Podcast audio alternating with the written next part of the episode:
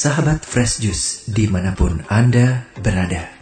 Sesaat lagi kita akan mendengarkan Fresh Juice Selasa 26 April 2022 bersama Pastor Antonius Tukiran MSC dari Manado. Selamat mendengarkan.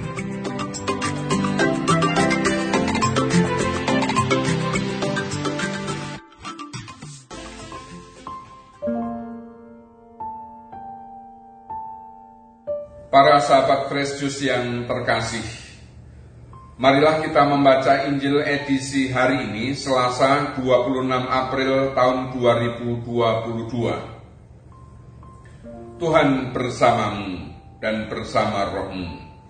Inilah Injil suci menurut Yohanes. Dimuliakanlah Tuhan. Yesus berkata kepada Nikodemus, Janganlah engkau heran karena aku berkata kepadamu, kamu harus dilahirkan kembali. Angin bertiup ke mana ia mau, dan engkau mendengar bunyinya. Tetapi engkau tidak tahu dari mana ia datang atau ke mana ia pergi. Demikianlah halnya dengan tiap-tiap orang yang lahir dari roh. Nikodemus menjawab katanya, Bagaimanakah mungkin hal itu terjadi? Jawab Yesus, Engkau adalah pengajar Israel, dan engkau tidak mengerti hal-hal itu. Aku berkata kepadamu, sesungguhnya kami berkata-kata tentang apa yang kami ketahui, dan kami bersaksi tentang apa yang kami lihat, tetapi kamu tidak menerima kesaksian kami. Kamu tidak percaya waktu aku berkata-kata dengan kamu tentang hal-hal duniawi. Bagaimana kamu akan percaya kalau aku berkata-kata dengan kamu tentang hal-hal surgawi? Tidak ada seorang pun yang telah naik ke surga selain daripada dia yang telah turun dari surga, yaitu anak manusia. Dan sama seperti Musa meninggikan ular di padang gurun, demikian juga anak manusia harus ditinggikan, supaya setiap orang yang percaya kepadanya beroleh hidup yang kekal. Demikianlah sabda Tuhan, terpujilah Kristus. Para sahabat Kristus yang terkasih, dalam Injil tadi Yesus berkata kepada Nikodemus, kamu harus dilahirkan kembali. Kata-kata Yesus ini merupakan penegasan dari kata-kata Yesus pada ayat-ayat sebelumnya. Pada Injil Yohanes bab 3 ayat 3, Yesus mengatakan kepada Nikodemus begini, Aku berkata kepadamu, sesungguhnya jika seorang tidak dilahirkan kembali, ia tidak dapat melihat kerajaan Allah. Nah pertanyaannya ialah, apa artinya dilahirkan kembali? Dalam Injil Yohanes sendiri sebenarnya tidak ada penjelasan dari pihak Yesus. Tetapi di dalam sejarah kekristenan ada rupa-rupa pengertian dan pengertian-pengertian itu bisa dikelompokkan menjadi dua. Yang pertama, Dilahirkan kembali berarti pengalaman di mana orang merasa diri sebagai orang berdosa dan hukuman atas dosa adalah kematian. Tetapi pada saat yang sama, orang itu merasa bahwa Yesus telah mengambil alih hukuman itu dan menganugerahkan keselamatan. Nah, Pengalaman itu dirasakan sebagai pengalaman yang sangat khas dan personal. Pemahaman seperti ini itu mulai muncul di dalam kekristenan Muravia dan kelompok-kelompok aliran sekte-sekte protestan yang lain. John Wesley misalnya, seorang perintis gerakan yang kemudian disebut sebagai gerakan metodis, pada tanggal 24 Mei tahun 1738 mengalami lahir kembali itu. Dia menceritakan pengalamannya itu begini. Pada malam itu, walaupun sebenarnya enggan, saya pergi ke sebuah pertemuan di Aldersgate Street. Di sana, seseorang sedang membaca pengantar Martin Luther untuk surat-surat Rasul Paulus kepada jemaat di Roma. Sekitar pukul 9 kurang seperempat, ketika dia melukiskan pengalaman yang dikerjakan Allah di dalam hati melalui iman akan Kristus, saya merasakan kehangatan hati yang aneh. Saya merasa benar-benar mempercayakan diri kepada Kristus. Hanya Kristus saja untuk keselamatan saya. Dan sebuah jaminan diberikan kepada saya bahwa dia telah menghapus dosa-dosa saya. Ya dosa-dosa saya. Dan menyelamatkan saya dari hukuman dosa dan maut. Contoh kedua dari Yonathan Edwards. Dia adalah tokoh besar dalam sejarah kekristenan yang pemikiran-pemikirannya antara lain kelak mempengaruhi aliran Pentekostal pada suatu hari di antara tahun 1720 sampai tahun 1726 dia membaca surat Rasul Paulus yang pertama kepada Timotius. Dan sampai pada bab 1 ayat 17 dia menemukan kata-kata ini. Hormat dan kemuliaan sampai selama-lamanya bagi raja segala zaman. Allah yang kekal yang tak nampak yang esa. Amin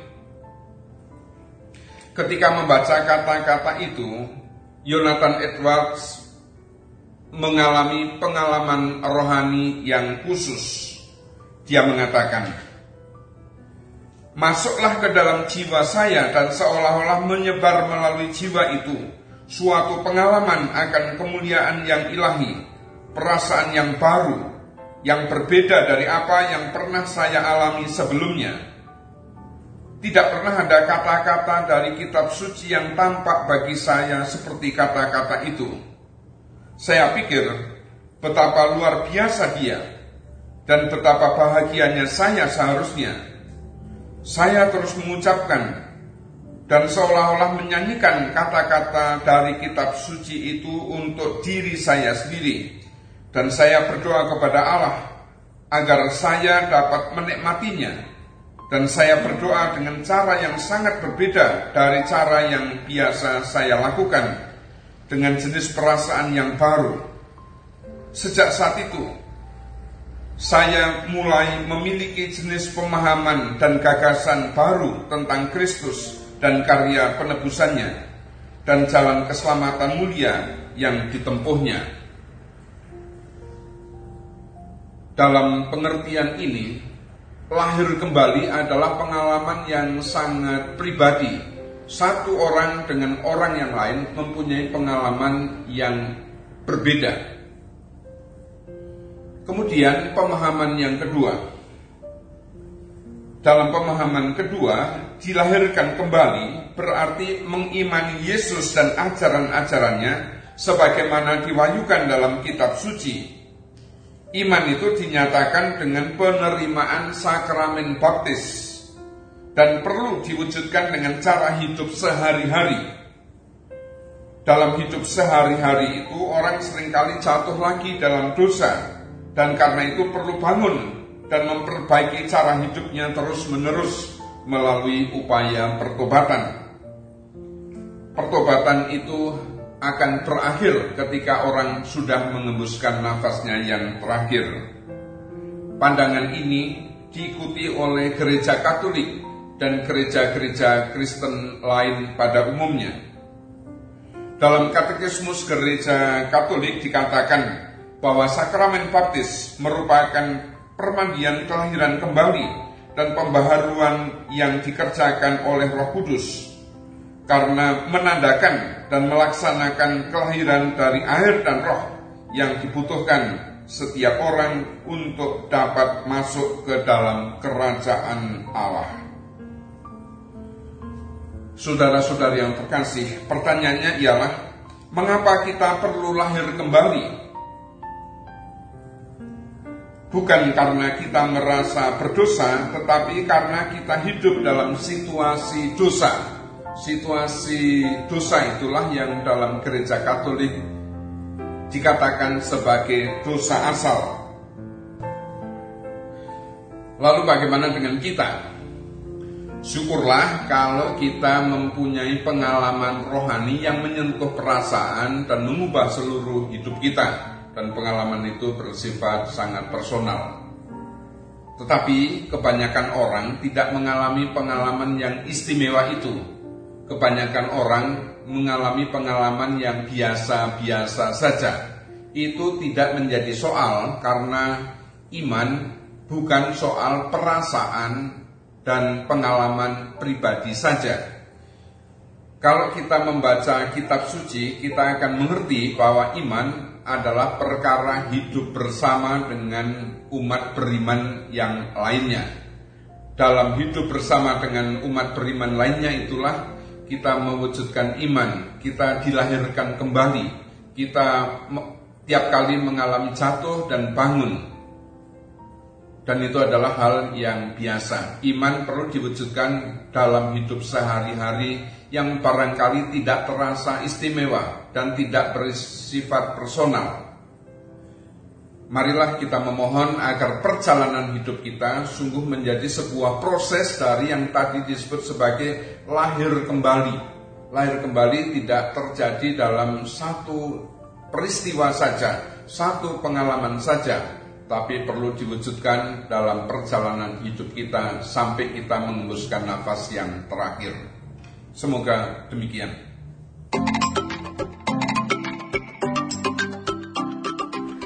Sahabat Fresh Juice, kita baru saja mendengarkan Fresh Juice Selasa 26 April 2022. Saya Yofi Setiawan beserta segenap tim Fresh Juice mengucapkan terima kasih kepada Pastor Antonius Tukiran untuk renungannya pada hari ini. Sampai berjumpa kembali dalam Fresh Juice edisi selanjutnya. Jaga kesehatan dan salam Fresh Juice.